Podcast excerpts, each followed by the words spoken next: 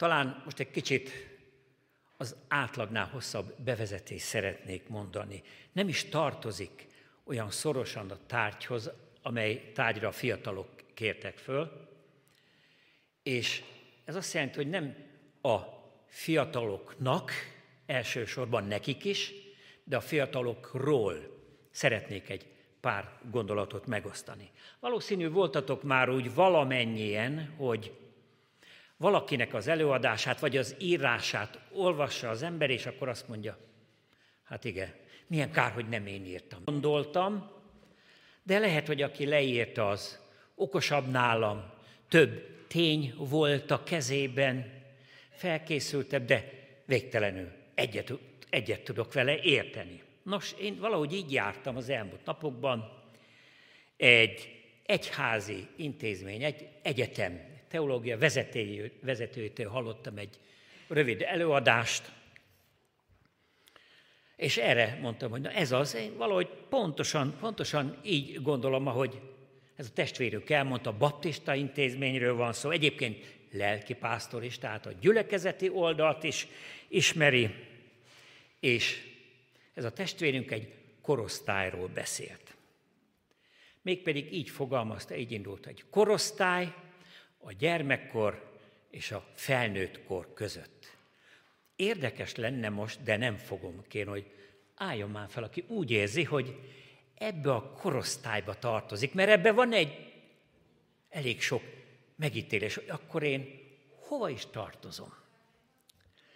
Hát az első megállapítás ennek a testvérünknek az volt, hogy ez a korszak, nevezzük azért, ne ennyire körbeírtan, az ifjú kor, mondjuk tényleg így ifjú kor, az utóbbi években, évtizedekben jelentősen megnőtt. Korább, a szakasz korábban kezdődik, korábban lesznek érettek fizikailag a gyerekek.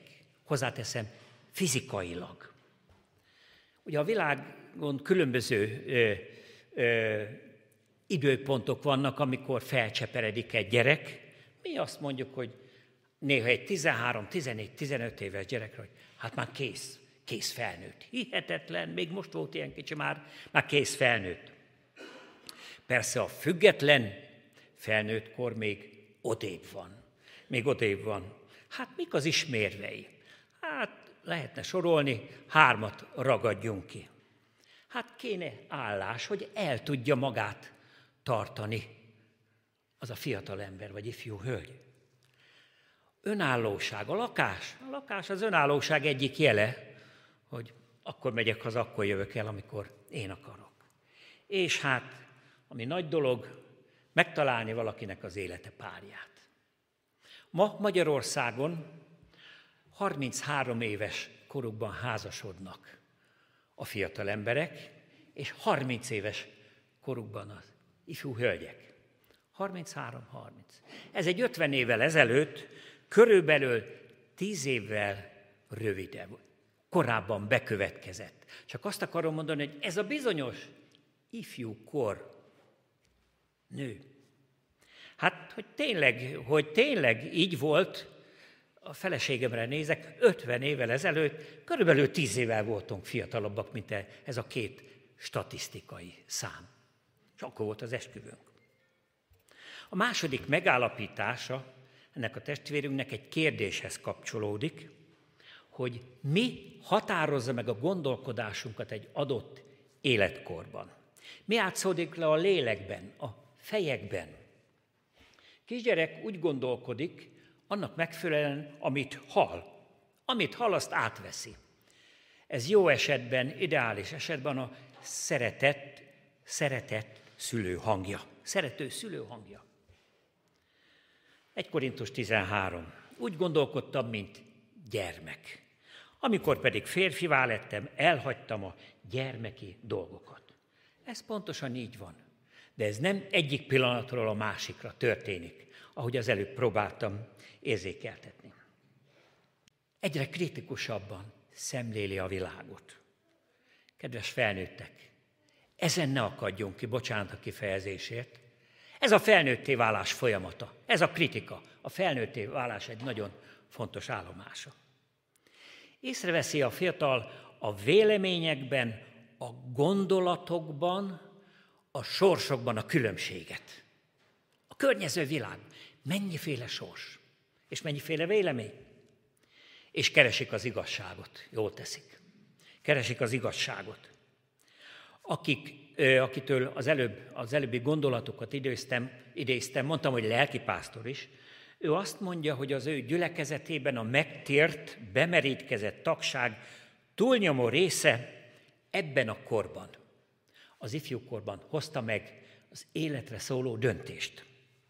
Én rá kukkantottam arra az Excel táblázatra, nem is a legfrissebb, ami a gyülekezet tagsága. Név nélkül rászültem. Születésév, bemerítés, időpont.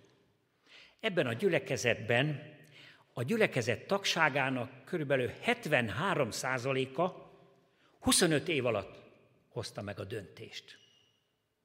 És 62%-a 20 év alatt hozta meg azt a döntést, hogy Krisztust akarja követni. Bemerítkezik. Szóval kedves gyülekezet, kedves szülők, nagyszülők, akiknek a szeme előtt zajlik le ez a felnőtté válás. Nagy felelősség ez. A mi nagy felelősségünk is. Gyermekeinkről, unokáinkról van szó, és a gyülekezet jövőjéről. Ebben a folyamatban segíteni kell. És a másik oldal néha segítséget kérni. Kedves fiatalok, nem mindegy, hogy kire és mire figyeltek. Kerességetek az igazságot. Én vagyok az út, az igazság és az élet, mondja Jézus Krisztus Tamásnak. Tamás talán éveit tekintve ekkor már felnőtt volt, de, mint, de lélekben még, talán még gyerek vagy ifjú. Kedves fiatalok, nektek nem a sötétben kell tapogatózni, a tájékozódásnak ebben a nagyon fontos korszakában. Keressétek Jézust, ő is keres benneteket. És akkor haladtok előre a sorsotok, célotok felé. Haladtok előre a zarándok úton. Ne tűnjön divatnyamultnak, ne tűnjön ósdinak ez a kifejezés, hogy zarándokút, mert azon vagyunk. És ezen a zarándokúton néha fel kell tenni a kérdést, hol tartok? Jó úton járok? A cím vagy téma, amit tőled, bevezetés véget, a cím vagy téma, amit tőletek kaptam, szolgáljak vagy éljek. Aztán persze az ember kétszer elolvassa, háromszor belegond, és rájön, hát ez nem is olyan korfüggő, ez a kérdés.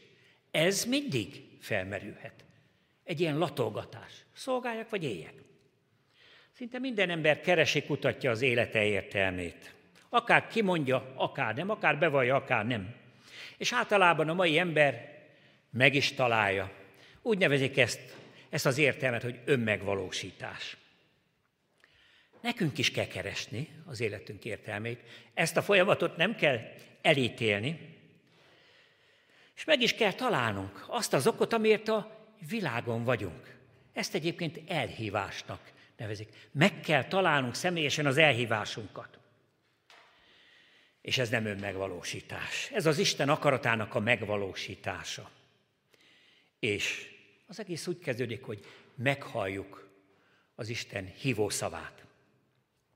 Amit ma önmegvalósítás alatt értenek, azt tudjuk, én vagyok a középpontban.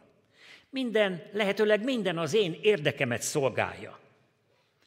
Hát mondjuk el, hogy sokat gyepáljuk ezért a 20.-21. századot, de nem volt ez idegen soha az embertől. A tanítványoktól sem, az ego. Pedig tudták, tudhatták volna, hisz megvan írva az evangéliumban, tehát tudták a tanítványok, hogy a kísértés idején ott a pusztában a sátán felajánlotta Jézusnak, ott ketten voltak, négy szem közt felajánlotta nekik. A világ, a felajánlotta a trónt, a világ minden dicsőségét, hatalmát. És Jézus visszautasítja. Ez egy nagy lecke, és a leckét meg is fogalmazta szavakban, így szól a lecke. Aki közöttetek első akar lenni, az legyen a rabszolgátok. Mint hogy az emberfia sem azért jött, hogy neki szolgáljanak, hanem hogy ő szolgáljon, és életét adja váltságul sokakért. Helyre, tév, helyre lett téve a tanítványok csapata, de nem csak ők, mi is, a mai keresztények, a 20. keresztények, ezzel a pár Jézusi mondattal. Ezen a világon mindenki vezetni, mindenki uralkodni akar, vezetőképző tanfolyamok rá kell keresni, százával vannak. Szolgáló képző tanfolyamok jóval kevesebb. Mindenki vezetni szeretne. Pedig Jézus nem hagy kibúvót, annyira egyértelműen fogalmazott. Szolgáló életre hívja el az övét. És ha a világ teremtője ezt így gondolja, akkor ezt mi sem gondolhatjuk másképp. És ez a szolgálat áthatja az élet minden területét. Ez a szolgálat, ez egy életforma. Nem egy kiemelt kis része az életünknek, ez életforma. Áthatja az élet minden terület. Mi van beírva a munkakönyvedbe, lehet, hogy már nincs is munkakönyv, hogy főnök vagy a munkahelyen, vagy beosztott, vezető vagy a gyülekezetben, vagy beosztott, tag, bocsánat, itt nincs beosztott, sima tag, ott ülsz valahol a hátsó sorokba, vagy éppen a családodba te egy nagy tekintének örvendő családfő vagy. Szándékosan mondok olyan dolgokat, nem elítőlen, hanem amivel úgy első pillanatban nem kapcsoljuk össze a szolgálatot. Szolgálni kell. Gondoltam, kedves fiatalok, és nem kezdtem visszakérdezni, hogy esetleg nem azt várjátok-e tőlem, hogy hogy lehet megoldani a szolgálatot munka mellett? Vagy jó tanácsokat az időbeosztással kapcsolatban. Arról is lehet sokat beszélni, és biztos van is értelme.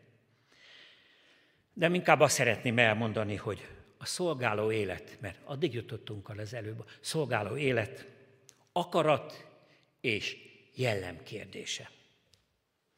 És akkor, ha ez megvalósul a jellemünkben, az akaratunkban ott van, így élünk, így akarunk, így akarunk élni, akkor az időbeosztás másod, harmadragú kérdés megoldódik. Itt most kijelentem, akkor az időbeosztás megoldódik. Kedves gyülekezet, annyi, de annyi hatás ér bennünket, és fiatalokat, titeket különösen, fogékony fiatal állapotban. Tudjátok, hogy a kiválasztott nép pontosan ezzel a problémával küzdött. Mit építsünk be a jellemünkbe? Mi? De még időseknek is előjön ez. Hát a, a kiválasztott nép is, hogy ki lehetne leszabályozni az emberek jellemét? Hogy lehetne azt elérni, hogy egy remek, kiváló, felnövő zsidó nemzedék növekedjen ott valahol Jeruzsálemben és vidéken? Mihez igazodjanak ezek a fiatalok? Már az írástudók akkor már 600, több mint 600 szabálynál tartottak, és parancsnál. Hát ebben el lehet tévedni. Még néha aztán az élet hozza a problémákat, és ellentmondások is előjönnek. Pontosan ilyen, azért mondtam ezt, de pontosan ilyen az a hatás, ami ma fiatalokat a világban éri. Túl sok, ellentmondásokkal teli, és nem nagyon lehet benne eligazodni. Az írástudók megpróbáltak valamilyen módon rendet tenni. Próbáljuk valahogy ketté osztani ezt a sok-sok szabályt. A súlyosabb, komolyabb, nehéz szabályok, és a könnyebb, amit úgy félre lehet oldalra tenni. Így talán könnyebb eligazodni. Ezek csak arra voltak jó, jó nagyokat lehetett rajta vitatkozni. Úgyhogy feltehetően nem csak provokáció volt annak az írástudó embernek a Márk 12-ben annak az írástudó embernek a kérdése, aki oda megy Jézushoz egy alkalommal, úgy gondolom, hogy valamennyi valós kíváncsiság is lehetett mögötte. Mester, melyik a legfőbb az összes parancsolat közül? Jézus így válaszolt. A legfőbb ez. Halljad Izrael, az Úr, a mi Istenünk egy Úr, és szeresd az Urat, a te Istenedet, teljes szívedből, teljes lelkedből, teljes elmédből és teljes erődből. A második ez.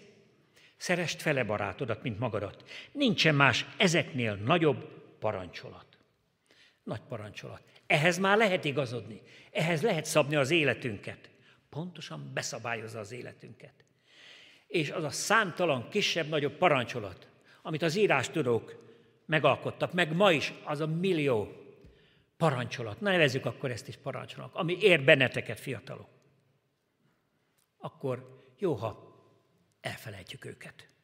Ez az egy parancsolat, a Jézus Krisztus nagy parancsolata felírja mindet, mindet. És meg is érkeztünk. Mert ez a szolgáló élet titka. Mert akit így szeretsz, ahogy ebben a két mondatban le van írva, és nem rokon szemről beszélek, nem csak szimpátiáról, többről, igazi szeretetről, ami az akaratunkat átjárja, ami az egész lényünket átjárja. Akit így szeretsz, akkor ott megjelenik a szolgálatkészség. El sem lehet üldözni az ilyen szeretet mellől. Mikor Jézus azt mondta, hogy szeresd, akkor azt is mondta, hogy szolgáld. Értitek ezt az összefüggést? Mikor azt mondta, hogy szeresd, azt is mondta, hogy szolgáld. És ha Isten szereted, akkor szereted a fele barátodat is. Szereted és szolgálod. Kezd kialakulni az Isten világa. Itt. Itt a Földön. János első leveléből egy vers. Gyermekeim, ne szóval szeressük egymást. Ne is nyelvel, hanem cselekedettel és valóságosan. A szolgáló élet titka tehát a Jézus parancsa szerint való helyes sorrend. Helyes sorrend. Isten a fele barát, és én. Ha szeretjük Istent, ha rendben van a vele való kapcsolat, akkor az őt szolgáló életünk rendben lesz. És rendben lesz. Ha ez a sorrend, akkor a fele barátunkat szolgáló életünk is megjelenik. Rendben lesz. És megtörténik az a csoda, hogy szolgálsz, adsz, és hihetetlen, de adsz és gyarapodsz gyarapodsz mellette. És ezen a szolgálók útján ezen nem leszel egyedül. Azt mondja Jézus János 12-ben. Ha valaki nekem szolgál, engem kövessen. Ahol én vagyok, ott lesz az én szolgám is. És ha valaki nekem szolgál, azt megbecsüli az atya.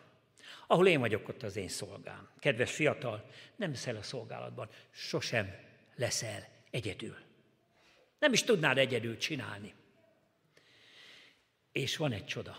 Titeket, és most már közösséghez hadd szóljak, és nem csak a fiatalokhoz, a gyülekezethez. Titeket, mint közösséget összefog a Jézus Krisztus személye. Milyen csodálatos közösség. Az fog össze bennünket, hogy szolgáljuk az Urat. Ez képes összefogni. Különböző adottságok, különböző korokkal. Idősek, fiatalok, középkorúak együtt. hihetetlen közösséget tud a szolgáló, a közös szolgálat képezni. Ebben a gondolatban, a Jézusnak ebben a mondatában az is benne van, hogy nem tudjuk őt szolgálni, ha mi nem követjük őt. Jézus Krisztus és az ő szolgája nem maradhat el egymástól. Jézus Krisztus és az ő szolgája nem maradhat el egymástól. És ahogy a jellemünk áthatja minden cselekedeteinket, gondolatunkat, akaratunkat. Ez pontosan így igaz a szolgáló jellemre, szolgáló akaratra, a szolgáló életformára. Ott van az életünk minden területén. Nem úgy van, nem úgy van, és hadd mondjak szerintem egy gyakori példát. Nem úgy van, hogy a munkahelyen úgy érzem, hogy nekem túl sokan parancsolnak, nekem túl sokan dirigálnak, ezért hát otthon, vagy valahol más megmutatom, hogy ki az Úr. Megmutatom, hogy én is tudnék, én is tudnék főnök lenni. Ez, ez helytelen. Szolgálat. A szolgáló lelkület az élet minden területén ott van. És még ott is, ahol vállalom a vezetés felelősségét. Még ott is, ahol vállalom a vezetés felelősségét. Úgyhogy, kedves fialottalok, a szolgáljak vagy éljek kifejezést hadd alakítsam át adjátok ehhez az engedélyeteket a Szolgálva éjek címre. Szolgálva éjek. Isten, a fele barát és én.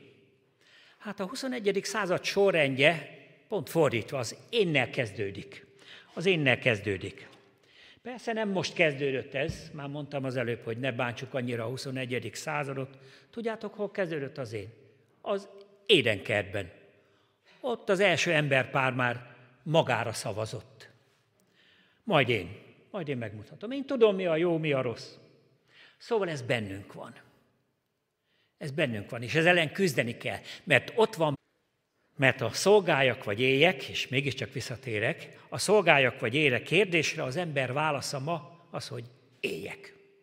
Az, hogy éjek. Az én életemben nem nagyon fér, ezt mondja, az én életemben nem nagyon fér bele olyan, hogy szolgálat csorbítja a jogaimat, inkább kapni akarok, vagy még inkább a felhők közé emelkedő Jézus ma azt üzeni nektek, mindannyiunknak. Szolgáld azokat, akiket a saját véremmel váltottam meg. És végül egy pár gondolat a szolgálat veszélyeiről. Van ilyen is? Hát hogy ne? Míg sátán van, addig támad és kísért. És egyszer csak azon veszed észre magad, hogy ott vagy, ott vagy a pusztában egyedül a sátánnal, és valamit sutyorog a füledbe. És jön. Úgy, mint 2000 évvel ezelőtt. Pontosan úgy. Szóval a szolgálat veszélyei. Egy. Valaki egyszer azt mondta, könnyű elkezdeni egy szolgálatot, de nagyon nehéz végigcsinálni. Érdemes belegondolni, mikor egy szolgálatba belevágunk. Olyan sok minden megakadályozhatja. Pál tudta ezt, megtapasztalta, ki is fejti az efézusi véneknek. Apostolok cselekedete 20. részből idézek egy mondatot. Még az életem sem drága, csak hogy elvégezhessem futásomat és azt a szolgálatot, amelyet az Úr Jézustól azért kaptam, hogy bizonyságot tegyek az Isten kegyelmének evangéliumáról. Figyelitek, hogy elvégezhessem a szolgálatot, amelyet az Úr Jézustól kaptam. Még az életem sem drága.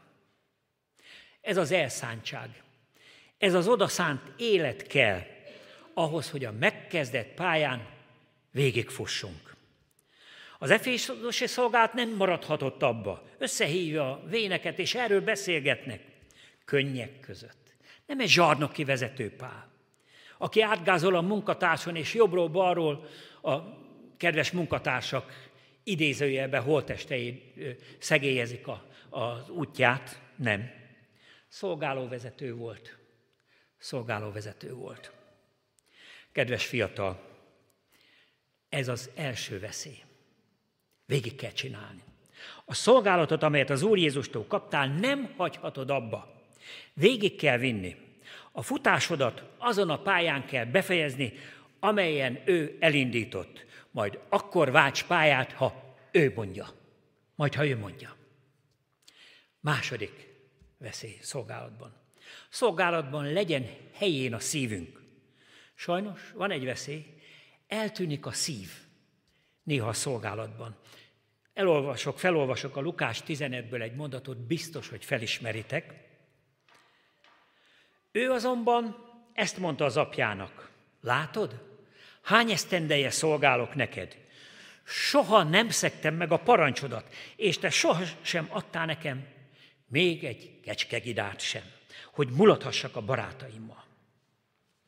Ehhez a mondathoz, ehhez a példázathoz hozzátartozik, hogy a példázat elmondása előtt Jézus a bűnösökkel leült egy asztalhoz, velük étkezik. És most ugye tudjuk, az idősebb testvér, a tékozló fiú példázata, az idősebb testvér szavából. Kitűnik, hogy ő nem hagyta ott az atyai házat. Kitartott, szolgált, de a szíve eltűnt. Eltűnt a szív. Szolgál, de nem szeretne a bűnösökkel egy asztalhoz leülni. Akik a világ szennyében megmártóznak, a moslékos vájból lesznek, miközben ő szolgál. Ezekkel nem szívesen ülne egy asztalhoz. Azt mondja, hogy én mást, én többet érdemlek. Soha nem szektem meg a parancsodat. Ha a szív eltűnik a szolgálatból, akkor nem szolgák, robotok, rabszolgák leszünk. Értitek biztos, hogy mire gondolok. Nem azokat várja Jézus Krisztus. Olyan szolgákat vár, akire kimondta, meg kimondta a tanítványokra is, barátaim vagytok. Kedves szolgáló fiatal, így vigyázz a szívedre.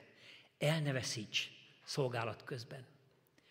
Minden féltett dolognál jobban őriz szívedet, mert abból indul ki minden élet, minden, minden misszió, minden kapcsolat, minden szolgálat innen indul ki, a szívedből.